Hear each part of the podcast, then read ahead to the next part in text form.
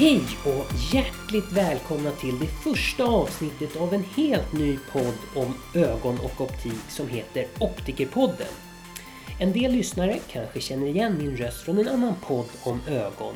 Men vill ni fortsätta lyssna på min röst så är det i den här podden som ni finner mig i fortsättningen. Under slutet av januari hade jag den fantastiska möjligheten att få delta på en av världens största kontaktlinskonferenser. Denna konferens ägde rum i Las Vegas. Ja, ni hörde rätt! Första avsnittet av Optikerpodden spelades in i Las Vegas i USA. Konferensen som jag deltog på heter Global Speciality Lens Symposium eller GSLS och är en konferens om specialkontaktlinser. Detta event lägger som namnet antyder tonvikten på kontaktlinshantering kring keratokonus, refraktiv kirurgi, hög myopi, kraftig astigmatism, myopikontroll och mycket, mycket mer. I år närvarade mer än 1000 kontaktlinsspecialister från hela världen och 34 nationaliteter fanns representerade. Konferensen ägde rum under 24 till 27 januari 2019. På föreläsarsidan fanns många kända namn och jag fick till och med möjligheten till ett samtal med en av föreläsarna, nämligen Jan Bergmansson. Jan Bergmansson är verksam professor vid University of Houston i Texas och är en världsledande forskare i hornhinnans anatomi och fysiologi. Jan Bergmansson kommer bland annat berätta om sin resa från ett hantverksyrke i Sverige till det terapeutiska yrke han har idag i USA. Under mina dagar i Las Vegas fick jag även till ett samtal med Jörgen Gustafsson och Karin Gullbrandsen från Multilens som också givetvis deltog på GSLS. Jag fick även bekanta mig med Charlotte Rydlinge som jobbar på kontaktlinsavdelningen på Sankt Eriks ögonsjukhus. Jag fick även till en intressant intervju med Stefan Schwarz, en tysk kollega som engagerar sig inom Special Olympics Opening Eye Program, som ni ska få höra mer om här i Optikerpodden. Vi ska även höra vad min kollega och resesällskap Besarta Sahiti tyckte om konferensen. Avsnitt 1 utav Optikerpodden blir ett ihopplock av mina samtal med Jörgen och Karin från Multilens, Charlotte Rydlinge från Sankt Eriks ögonsjukhus och slutligen min kollega Besarta Sahiti. Vi kommer prata om speciallinser och vad vi upplevt och lärt oss under GSLS. Mina samtal med Jan Bergmansson och Stefan Schwarz sparar vi till ett annat avsnitt. Vi börjar med att prata med Jörgen Gustafsson och Karin Gullbrandsen från Multilens. Nu kör vi igång första avsnittet utav Optikerpodden.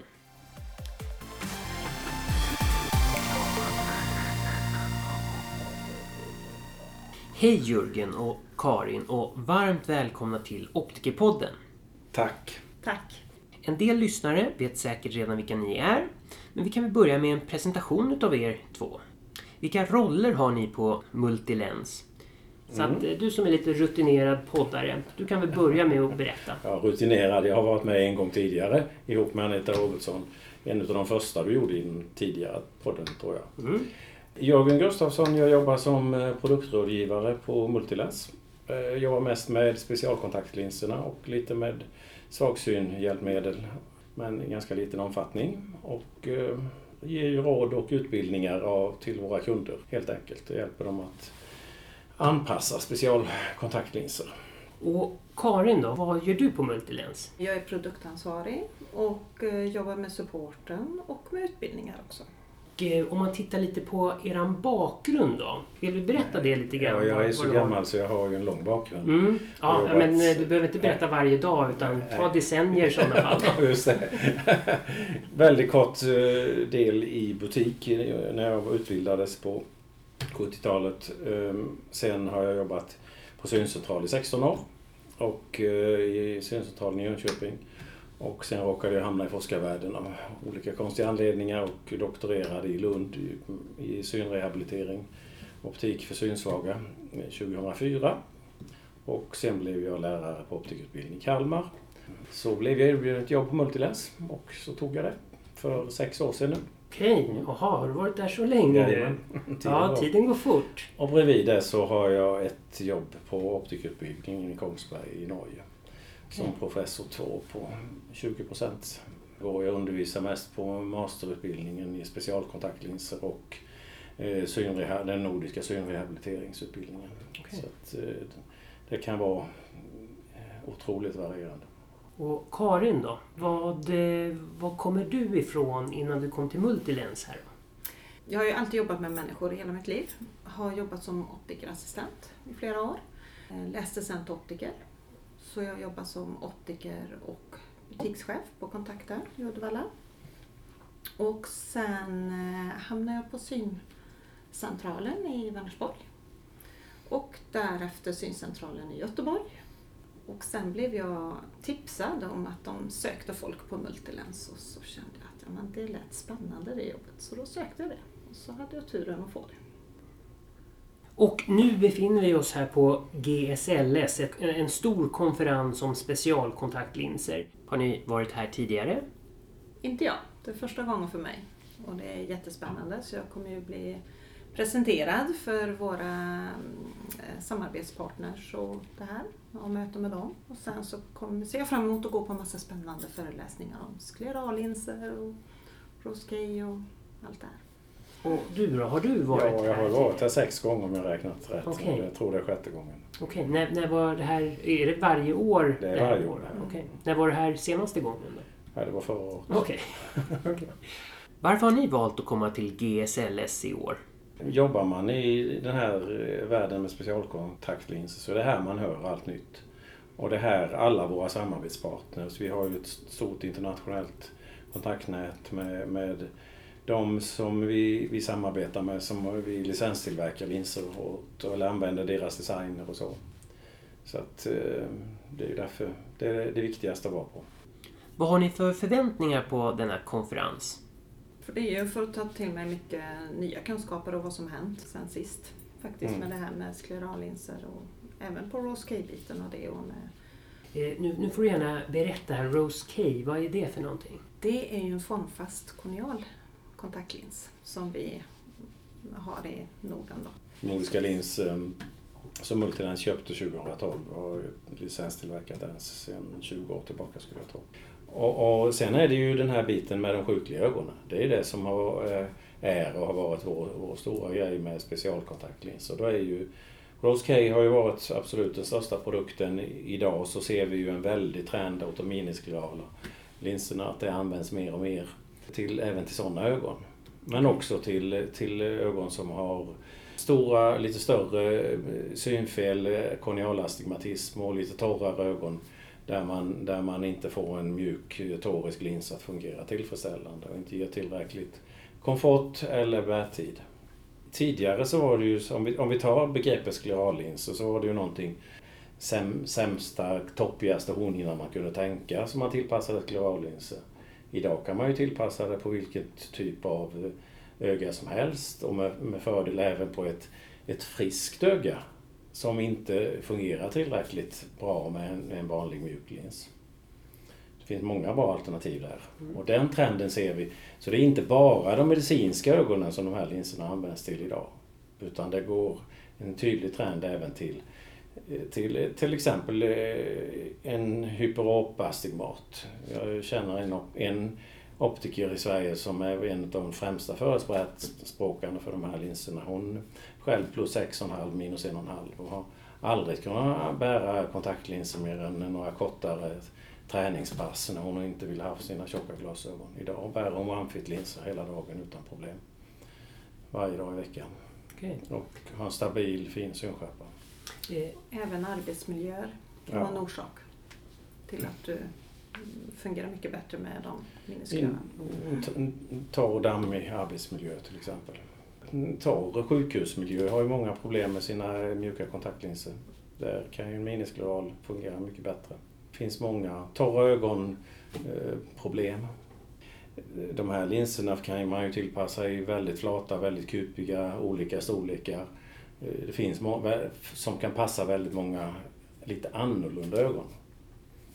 Har du en liten kornea eller en stor kornea så har det absolut störst betydelse på om, hur du ska få en lins att fungera. Så mäta hårvidd är ju något vi uppmanar alla optiker att göra för att förstå om man behöver en speciallins eller inte. Okej. Varför skulle man mäta hårvidd? Eh, har du bara en standardlins så, så, och du har ett stort öga så är det ju jättesvårt att få den att få en tillräckligt bra eh, komfort och, och, och stabil synskärpa kanske. Men anpassar du linsen med en större diameter och en flatare radie kanske än vad som finns bland standardlinser så kan du ju få en lins att fungera mycket bättre.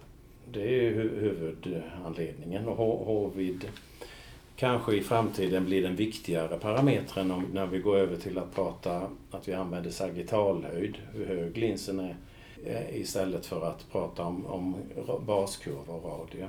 Och det finns en tydlig trend, det kommer du få höra på konferensen här, att man i, mjuklins, specialmjukningsvärlden eh, har gått över, går eller håller på till viss, vissa har redan gått över till att benämna sina linser i sagittalhöjd istället för radier. Mm.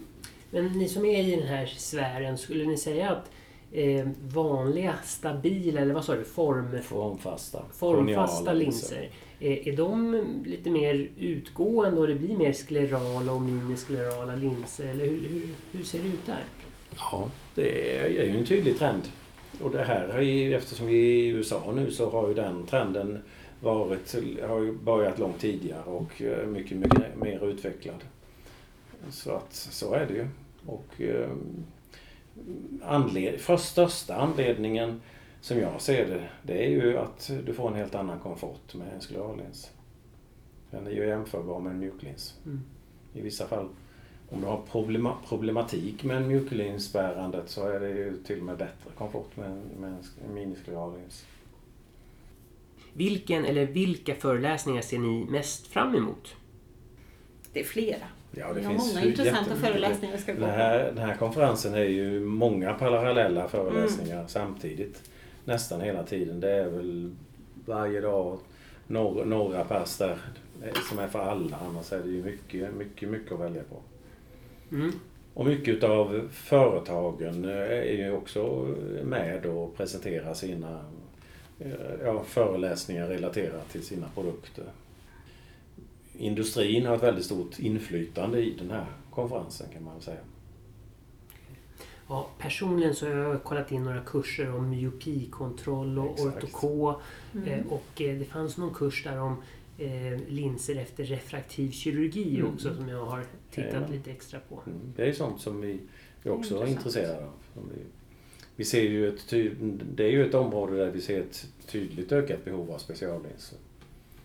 Eh, efter refraktiv kirurgi. Man får tillbaka ett brytningsfel eller, eller får ehm, ja, en extasi på kornea i värsta fall. Man måste ha ett skydd över mm. som en formfast lins kan ge. Men ni har ju bjudit in mig till det här One Fit Med-seminariet ikväll. Men jag har inte riktigt förstått eran roll i det. Ja, vi, vi är ju licenstillverkare av OneFit Med i, i Norden. Och jag har ju ihop med Blanchard eh, arrangerat flera seminarier här de tidigare åren. Och eh, tyckte väl att vi borde göra något om One Fit Med nu eftersom det är en för oss ganska ny lins som man har hållit på ungefär ett år längre i Nordamerika med den linsen. Eh, och därför så har det kommit till, det blev ju så. Eh, där man inbjudit inte bara oss då utan det antar kommer kunder från många delar av världen och eh, Nordamerika. Och eh, där Langis Michaud från, från universitetet i, i Montreal är föredragshållare. Och en av dem som har varit med att utveckla OneFit-linserna från början. Okay. Så han ska dela med sig av sina erfarenheter om OneFit Med. För det är en väldigt avancerad lins och med, till väldigt avancerade ögon. Och, och eh, där finns det ju många, många saker. Har man längre klinisk erfarenhet så kan man, har man ju mer förståelse vad, vad man ska använda till och hur. Mm. Ja, vi får se hur mycket jag tar till mig utav det där som inte har den där erfarenheten. Men det, det här är ju ett första steg för mig ja. att liksom komma in i den här världen. Absolut, det är helt rätt att göra det. Mm. Eh, vi, vi är ju ett så förhållandevis eh, litet kontaktlinslabb. Så, så att eh, utveckla våra egna eh, speciallinser är ju, är ju väldigt resurskrävande. Va? Och, därför, och, så har det ju fungerat så väldigt bra med Rose K-linserna som Paul Rose från Nya Zeeland eh, utvecklade. och vi har licenstillverkat dem i många år. Så hittade utav jag utav olika anledningar den här One OneFit-linsen. Inte på det här mötet men på ett annat möte i Europa där jag träffade grundaren av, av Blanchard. Eh, Lab i Kanada. Och eh, de har ju faktiskt nu eh, blivit uppköpta av Cooper Vision. Okej.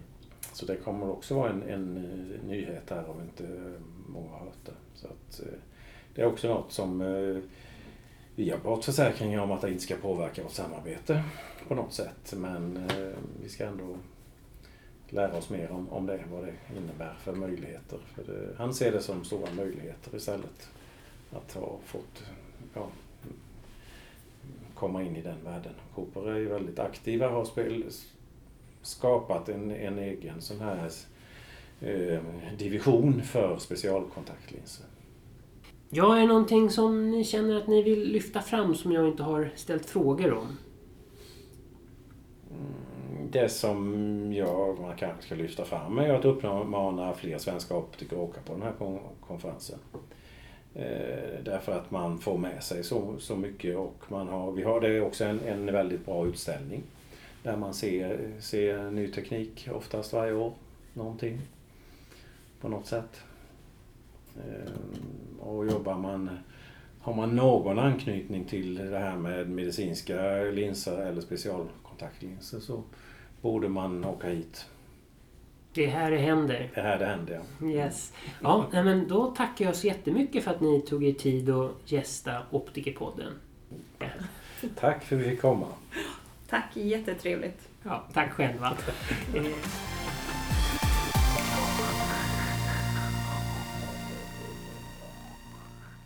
Hej Charlotte och varmt välkommen till Optikerpodden. Tack! Du kan väl bara presentera dig lite kort och säga vem du är? Charlotte Rydlinge. Eh, Jag jobbar på Sankt Eriks ögonsjukhus och eh, tillpassar kontaktlinser på ja, medicinska kontaktlinser. Eh, Ja, Ja, det räcker kanske ja. så. Och eh, när du säger medicinska kontaktlinser, vilka områden är det? Vilka, vilka, vad är det för linser som kallas för medicinska linser? ja det är mycket bandagelinser för eh, korneala dystrofier för att slippa man får sår på hornhinnorna. Keratokonus som inte går att korrigera med glasögon och väldigt toppiga hornhinnor som är komplicerade att tillpassa med linser. Okej. Eh, högmyoper, eh, närsynthet över minus 14. Och färgade linser.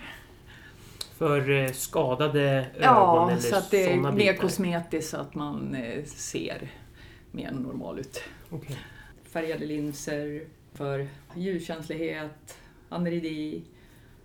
Okej. Eh, vad, vad, vad, sa du där för någon? Anergi? Sa Mm. du? Det får du förklara för mig, för det, det vet inte jag vad det är. Ja, aneridi det är när du har eh, delar, eller man kan säga det är frånvaro av iris. Eh, Och oftast har de en liten irisrest men just att de behöver ha bländsskyddslinser, de har sämre med stamceller så de kan behöva typ en bandagelins som skyddar ytan. Det är en av de patienterna vi har. Okej. Hur, hur många är ni då som jobbar på den här? Det här är kontaktlinsavdelningen på Sankt Erik. Ja, vi är fyra stycken. Okej. Så att det är Oskar som är här med oss nu i Las Vegas och eh, Charlotte Palin och Sara Delima. Och jag och så sen har vi en assistent som Kiki. Okej. Mm. Eh, Vet du, har du något spännande att rapportera därifrån? Någonting spännande som händer på Sankt Erik, vad du känner till? Jo men det tycker jag. Det är som nu här på kongressen att det är otroligt mycket sklerallinser. Ehm, och det här att man ska gå mer åt tunnare linser för att få mer syregenomsläpplighet och att den ska tillpassas närmare hornhinnan. Så det, det är ju inte så att man hoppar på små stabila linser i första hand utan man, det, det är sklerala.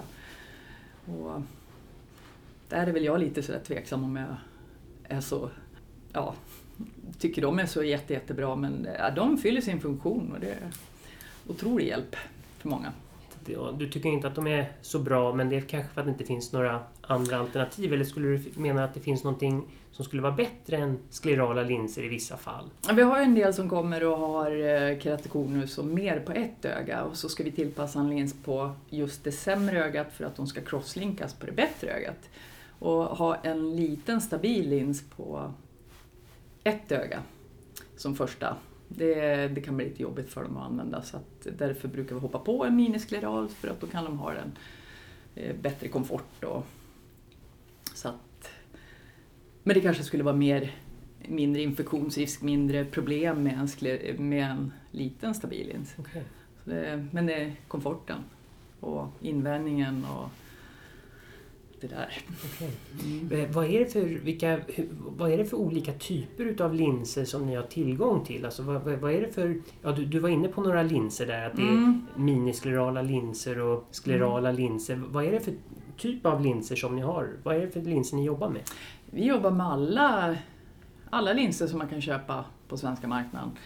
Ehm, så det är små stabila, lite större i diameter stabila, men fortfarande korneala. Semisklerala, de mini, fullsklerala och mycket ja, mjuka linser också. Så vi, vi kör allt. Okej. Det som behövs. Och det är ju det här som är så svårt, för man vet ju inte förrän man har provat. Och, och det gäller ju att försöka göra det så drägligt som möjligt för patienten då, att den kan använda linsen. Kanske inte alltid prio ett bästa synskärpa, utan komforten och att man ska klara sig. Okej. Men Vilka är de vanligaste tillstånden som hamnar hos dig? Vi räknade på det där en, en, vid ett tillfälle och vi ligger väl ungefär på en 70 keratokonuspatienter då, som Okej. kommer. Toppiga, transplanterade hornhinnor och ja, det är väl det mesta. Okej. Eh, jobbar du någonting med att tillpassa kontaktlinser på barn? Mm. Eh, hur, hur ofta sker det då? Vi brukar vara på skellingsmottagningen då, eller barnmottagningen en gång i veckan. Eh, Men det turas vi om med. Så att eh, vi har en dag och vi är, ja, rullar på fyra pers då. Så att det är väl en gång i månaden. Ibland kan det bli, som jag hade nu här i december, så hade jag tre veckor på raken som jag var där. En dag då. Men, eh, så det är inte så jätteofta. Nej, okej. Men det är otroligt trevligt. Eh, Fantastiskt. vad, vad, vad, är, vad är anledningen till att de här barnen behöver linser? Mm, det kan vara barn som är födda med gråstarr som måste operera för att främja synutvecklingen. Det kan vara det finns vissa syndrom som eh, gör att man eh, kan ha stora synfel. Det kan vara anisometropier som måste korrigeras för att som inte går att korrigera med glasögon. Och det är allt för att försöka främja synutvecklingen. Mm. Och de eh, afaker då, vi säger de barn som har opererats för som opereras för katarakt, då försöker man ju sätta in en eh, inopererad lins som passar till när de är vuxna. Mm. Och då har de ju oftast, i och med att de har ett lite kortare öga, så har de ju oftast en hyperopi på kanske plus 10, plus 15 kvar efter operationen. Så att de måste ju fortsätta med kontaktlins, även fast de opererar bort katarakten och satt in en IOL. Vad blir det för lins då? Blir det en multifokal lins som de får eller? Nej, eh, när de är små, eh, upp till två, två tre års ålder så brukar man korrigera, man överkorrigerar dem så att de har en bra skärpa på en 30 centimeter. Okej. Så att eh, sen efter ja, runt tre års ålder då, då ger man bifokalglas så att man fullkorrigerar så att de ser på långt håll, så bra som möjligt på långt håll. Och så sen då har de glasögon med addition. Okej. Ja. Men de här ögonen de, de, de får ju stö, störd synutveckling så att de här ögonen blir ju inte lika... De blir ju underutvecklade ändå i slutändan. Ja, det, vi säger om man nu skulle födas med katarakt på, med, på ett öga, då är det större risk att det, det brukar inte bli så bra synutveckling på det ögat för att det ska ju lappbehandlas eh, på det bästa ögat och det går ju inte att köra lapp för mycket på det bästa ögat för då är risken att man börjar sänka den synskärpan. Medan de eh, som har bilaterala katarakter opererade, de kan faktiskt få riktigt bra synskärpa. Det kan ligga mellan 0,8 och 1,0. Okej. Så det, det blir riktigt bra. Ja, ja, men det låter ju riktigt Mm. bra.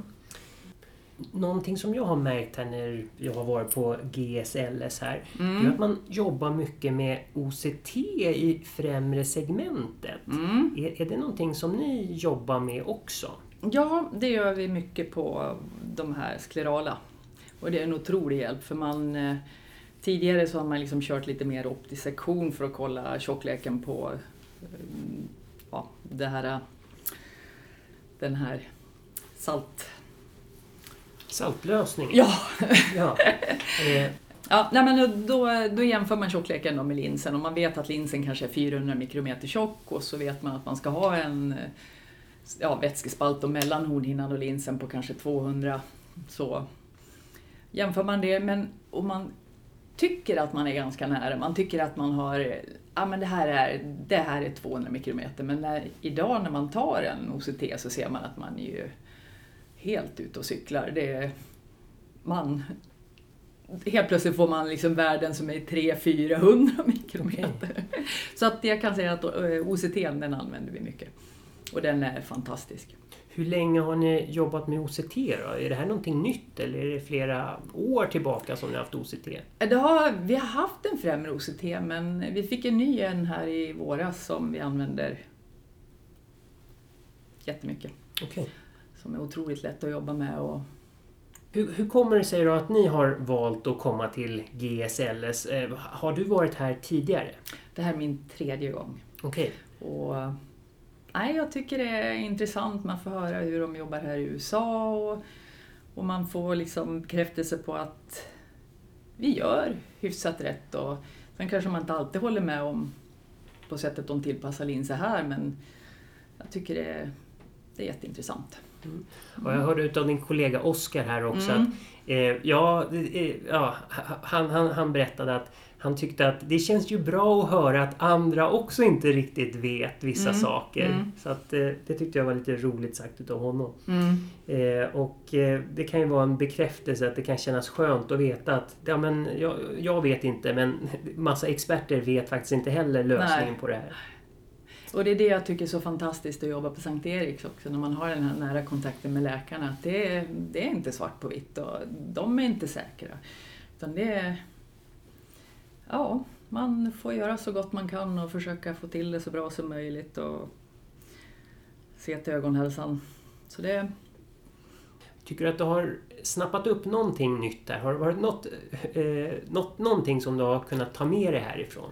Ja, absolut. Nej men det tycker jag och jag tycker det var intressant att höra det här med sklerallinser och just det här med tryckförändra, ögontrycket. Att eh, det har ju varit prat tidigare för länge sedan då att eh, mjuklinser som är tajt tillpassade att de kan påverka ögontrycket. Och eh, det har man ju funderat mycket på när det gäller de här sklerallinserna eftersom att det ligger och trycker där vid längdbuss.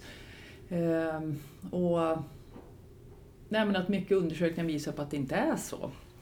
Och skillnaden mellan en större och en mindre diameter på sklerallinsen att det inte ska vara någon direkt skillnad. Ja, okej. Men sen fanns det ju studier också som visade tvärtom så att det är självklart. Men eh, nej, men jag tycker väl att det är lite sådana saker för det är ju det man undrat över. Eh, Det jag hade önskat mer här på kongressen det är ju att det hade varit mer material, mer materiallära, mer med det här med vätning och hur materialet, eh, liksom hur ögat reagerar mot materialet, det här med tryck och friktion, stamcellerna. Ehm, Jag hade trott att det skulle vara lite mer åt det hållet. Okej. Men vi har ju många med eh, stamcellsbrist. Det gäller ju verkligen att ta hand om dem. Mm. Så att, men samtidigt som att sklerallinsen kan hjälpa till, att du får en lugnare yta som mår bättre med en sklerallins samtidigt som du minskar syresättningen av ögat. Så att det är både för och nackdelar. Okej. Mm. Eh, Jag måste säga, faktiskt, jag tyckte det här har varit den trevligaste gången när jag har varit här i Las Vegas faktiskt. Ja, vad trevligt. Ja, för tidigare så har det varit att man har känt några stycken, men det är liksom... äh, man har varit mer, nästan som man har varit liksom stressad för att man vet inte vart är mina kompisar. Och, Medan nu så tycker jag det har varit en mycket mer avslappnad stämning här. Och jag upplever det var mycket mindre. Du börjar få lite rutin på det här. Du har varit här flera gånger nu. Nej, nej, det, här, det tror jag inte. Jag bara upplevde att det var, det kändes bara jättebra här. Och just det här, ja men de som vi stod och pratade med igår. Vad hette han? Dr. Martinez eller vad det var och Ja. han Stefan och... Ja men det är, de flesta är ju så otroligt avslappnade och Mm. trevliga som man pratar med. Men tidigare år så har jag liksom inte riktigt... Det kan väl vara någon då som man har suttit med på någon middag men det har varit väldigt stelt. Okej. Det tycker jag inte har varit i år. Nej. Jag tycker också att det har varit... Alla är så väldigt öppna Ja. liksom och sociala så att... Mm. Nej, så på så vis måste jag säga tycker jag har mm, positivt. Väldigt positivt. Och, mm, Och det är väl det jag tycker, det, det är väl nästan alltid det som jag tycker man Mm. uppskattar mest med alla Mm. konferenser och kongresser som man är på. Det är ju att få prata med kollegor och lära sig utav Mm. varandra. Jag tycker ju ofta som man lär sig mer den biten ja, än att man sitter och lyssnar på någon som Mm. föreläser personligen. Nej, men då är ju allting så otroligt perfekt. Det är guld och gröna skogar och ingenting är ett problem. Medan det här att få höra att andra har... Det är lite körigt med vissa tillpassningar och ja, men hur gör man och vem pratar man med? Eller, så att, nej, det är jättegivande. Mm. Så det är synd bara att det inte är mer, om man tänker sig i Sverige, Mm. såna kongresser eller att man har något möte. Ska du på optometridagarna? Ja, jag sitter ju med i Optikerförbundet så att jag är ju Mm. med och arrangerar Ooh, optometridagarna. där, ja. Ja. Och den här podden den görs ju i samarbete med Optikerförbundet också. Jag, Ja, men imponerande verkligen. Jag tycker, ja. men det måste jag säga, det är eloge alltså. Det, är en, det här är en bra grej för Optiker-Sverige tycker jag. mm. Det, och, Ja, min förhoppning är ju att, att ja, de som inte har möjlighet att Mm. komma hit, att de ändå ska kunna få ta del utav någonting Mm. som vi har Mm. upplevt här. Mm. Mm. Så det är det jag vill. Eh, Ja, i Sverige så är det ju så att, och det här kanske, ja, det kanske du glömmer bort du som jobbar i den här världen, men i Sverige så är det ju så att det är ju bara en minoritet utav optikerna som jobbar med sklerala linser. Fast idag är det ju en liten trend där med, med sklerala linser. Så nu ser du ju skleralinsprovslinssätt i var och varannan butik. Okej. Det känns som att det är fler optiker som vågar hoppa på stabila linser när man har de här lite mer lätt Ja, ja men som de här minisklerala. Det, nej, men, när man jämför med en liten korneal hårdlins, den är ju Mm. ganska svår att tillpassa. Det gäller ju verkligen att den sitter så bra som möjligt medan en sklerallins, där kan du ha ett ganska högt lyft från hornhinnan och det ändå känns okej. Jag hade innan vi åkte, veckan innan vi åkte hit, eh, så hade jag en, en kille som hade fått sina linser på, från Sri Lanka och hade en höjd på 1200 mikrometer ovanför hornhinnan med vätska. Då. Alltså, du hörde ju de rekommenderade typ 100-150 mikrometer. okej. Eh, och nästa kille som jag hade dagen efter, där har man liksom linsen ligger an på hornhinnan och båda två var supernöjda med sina linser. Så det kan verkligen... Men Man kan ha en stor variation på hur man har tillpassat dem och det funkar jättebra. Eller så sitter de superduper bra och det funkar inte alls. okej. Så det är svårt att säga. Yes. Mm. Eh, ja, nej, men då har jag fått svar på mina frågor Ja, som jag det? hade här. Så att eh, då tackar jag så jättemycket för att du tog dig tid att gästa Optikerpodden. Ja, tack så mycket för att jag fick vara med. Ja, absolut. Det var så lite så.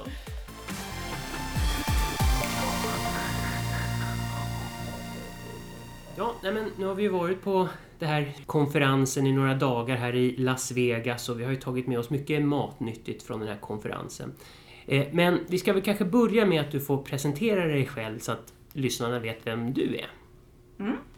Jag heter Besarta Sahiti. Har varit optiker i snart 11 år. Tog min magisterexamen förra sommaren. Precis startat ett företag som heter iKnow. Ja, vi, vi, ju, vi jobbar ju på samma företag här så att hur, hur kommer det sig att vi har åkt på den här konferensen? Det börjar väl med mitt intresse att lära mig mer om speciallinser. Jag tycker det är en fascinerande del av vårt yrke och jag, tyck, jag ser ett värde i att vi blir fler som lär oss det och att vi jobbar på det här sättet. Och eh, då är det faktiskt en person som jobbar i Umeå som har rekommenderat mig hit, eh, Per-Åke Östman. Jag var hos honom i början på januari och gick bredvid och såg hur han jobbade och då sa han att om du ska jobba med sådana här linser så är det på den här kongressen du ska gå på. Där går alla de bästa och alla som vill lära sig mer. Så att det, på den vägen är det. Och då, eftersom jag skulle hit så skulle såklart du få följa med. Vad hade du för förväntningar på den här konferensen innan du kom hit? Ja, jag kan väl säga att jag var väldigt förväntansfull för att jag, jag har redan insett att det här är så stort. Det är enormt. Eh, redan när jag var hos Per-Åke och såg hur han jobbade så finns det otroligt mycket möjligheter och olika sätt att jobba på. Eh, men jag inser också att det är en så himla bred bransch och att det finns så himla stort utbud av linser och företag som jobbar bara med det här. Så att förväntningarna var nog höga. Sen var jag jag kan väl säga att det har levt, levt upp till mina förväntningar, absolut. Jag har träffat väldigt mycket intressanta människor. Trevliga kollegor från både ja, Sverige, Danmark, men också internationellt. Det är otroligt hur kunskap och nyfikenhet kan ja, föra samman människor. Och eh, jag tar med mig väldigt många möten från den här kongressen som eh, jag annars aldrig hade fått uppleva. Det har varit toppenbra dagar. Folk är väldigt öppna här. De är väldigt sociala och liksom bjuder in till samtal. Så att det har ju varit väldigt trevligt tycker jag. Har du någonting som du har lärt dig på den här konferensen som du kan dela med dig till lyssnare som inte hade möjligheten att vara med på den här konferensen? En hel del. Det som slog mig första dagarna det var väl att vi det fler och fler optiker i Sverige väljer ju att eh, skaffa sig en topograf och det är jättebra. Så att man, man kanske uppmärksammar tidig keratokonus mycket tidigare idag än man gjorde förr. Men framförallt, eftersom jag har jobbat med nattlinser och ortoko, så insåg jag hur viktigt det är att man kanske har en topograf där man kan se bakre kornea också. Eh, just för att när man, man tillpassar en ortokolins på ett litet barn och så följer man det under ja, årens gång och så kan man kanske missa en keratokonus som dyker upp med åren. Det tyckte jag var väldigt spännande för det har jag inte riktigt tänkt på. Att man maskerar eh, de främre delarna av kornean så att man lätt kan missa sådana saker. Det tyckte jag var väldigt intressant. Sen eh, att vi vi tillpassar ju inte mjuka linser på samma sätt längre. Eller vi tillpassar ju egentligen inte så mycket utan eh, one size fits all ofta. Eh, att man kanske kan ta till de här speciala mjuka linserna också när man inte riktigt får rätt på en tillpassning. Att det finns otroligt bra alternativ och finns hjälp att få från leverantörer i Sverige som jobbar på sådana sätt. Så otroligt bra linser som inte behöver kosta så mycket mer men att man kan jobba mer så. Alltså jag har jobbat med myopikontroll och nattlinser eller ortoko innan. Så att jag har väl försökt att undvika de föreläsningarna för jag vill lära mig mer om speciallinserna, minisklerala sklerala linser.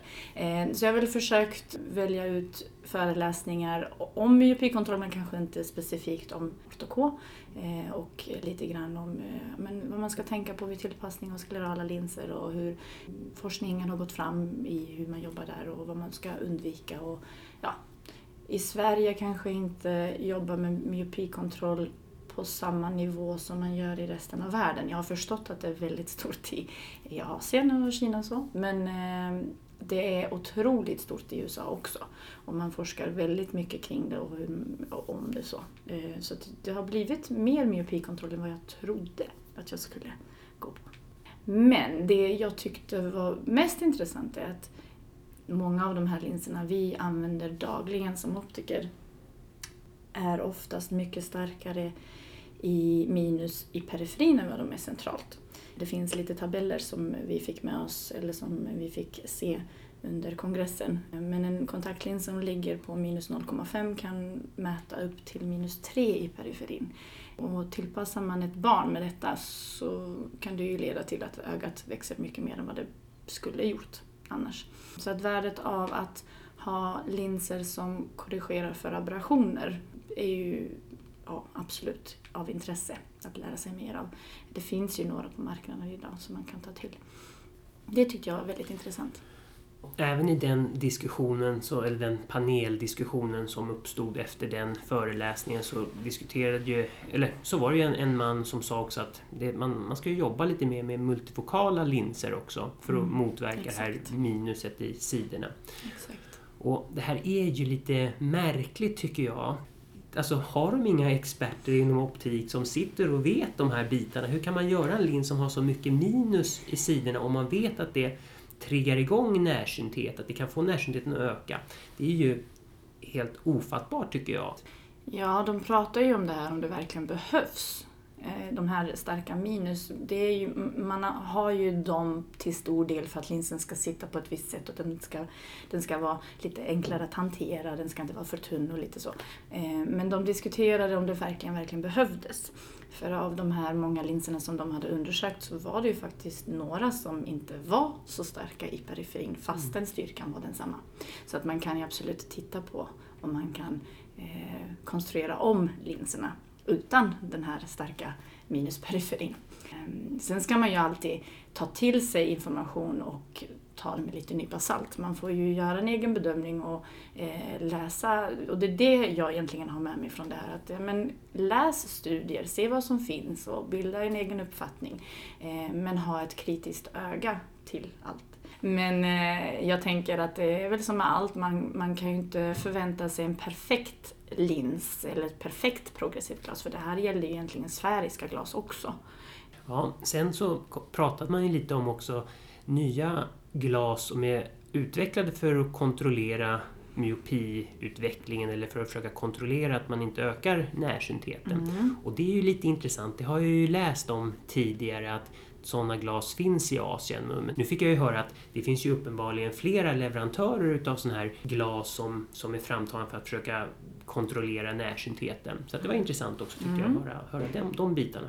Absolut. Och de var faktiskt inte så tokiga. Jag, fick för, jag har fått för mig att de ser konstiga ut, men har man dem på sig så såg de ut som vilket glas som helst. Det var inte förrän man tittade lite närmare och tittade på antireflexbehandling som man kunde se de här små, små, små, lite som ett pinnhålsglas fast med eh, ja, Nä, ja, nästan Hål. pinnhål, Ja. hålliknande hålen som skulle på något sätt kontrollera närsyntheten. Det där behöver vi inte gå in på detaljer för att jag, jag, jag kan inte den biten. Kan du den biten? Nej, ehm, de nämnde ju dem bara väldigt kort Mm. på föreläsningen så det var inte så att de gick in i detalj på hur de fungerade men jag kan tänka mig att det är eh, små, små eh, alltså plusstyrkor i glaset man lagt in i ett minusglas. Att det är lite så det funkar. Jag har ingen aning. Nej. Det är min eh, rena vilda gissning. Så, nej men eh, där tycker jag vi sätter stopp för mitt samtal med Besarta. Så att vi tackar Besarta för att du tog dig tid att berätta om dina intryck av GSLS här i Optikerpodden. Och tack igen alla gäster som medverkat i dagens avsnitt utav Optikerpodden. Och tack till alla lyssnare som valt att lyssna. Och jag hoppas att ni lärt er någonting nytt. Och eh, kom ihåg att prenumerera gärna på Optikerpodden via Soundcloud, iTunes, Acast eller via Spotify så att ni inte missar några avsnitt. Och kom ihåg att ni kan följa Optikerpodden på Optikerförbundets Facebook-sida eller på mitt Instagramkonto Optikmannen. Så att då säger jag igen tack så mycket för att ni lyssnade och vi hörs!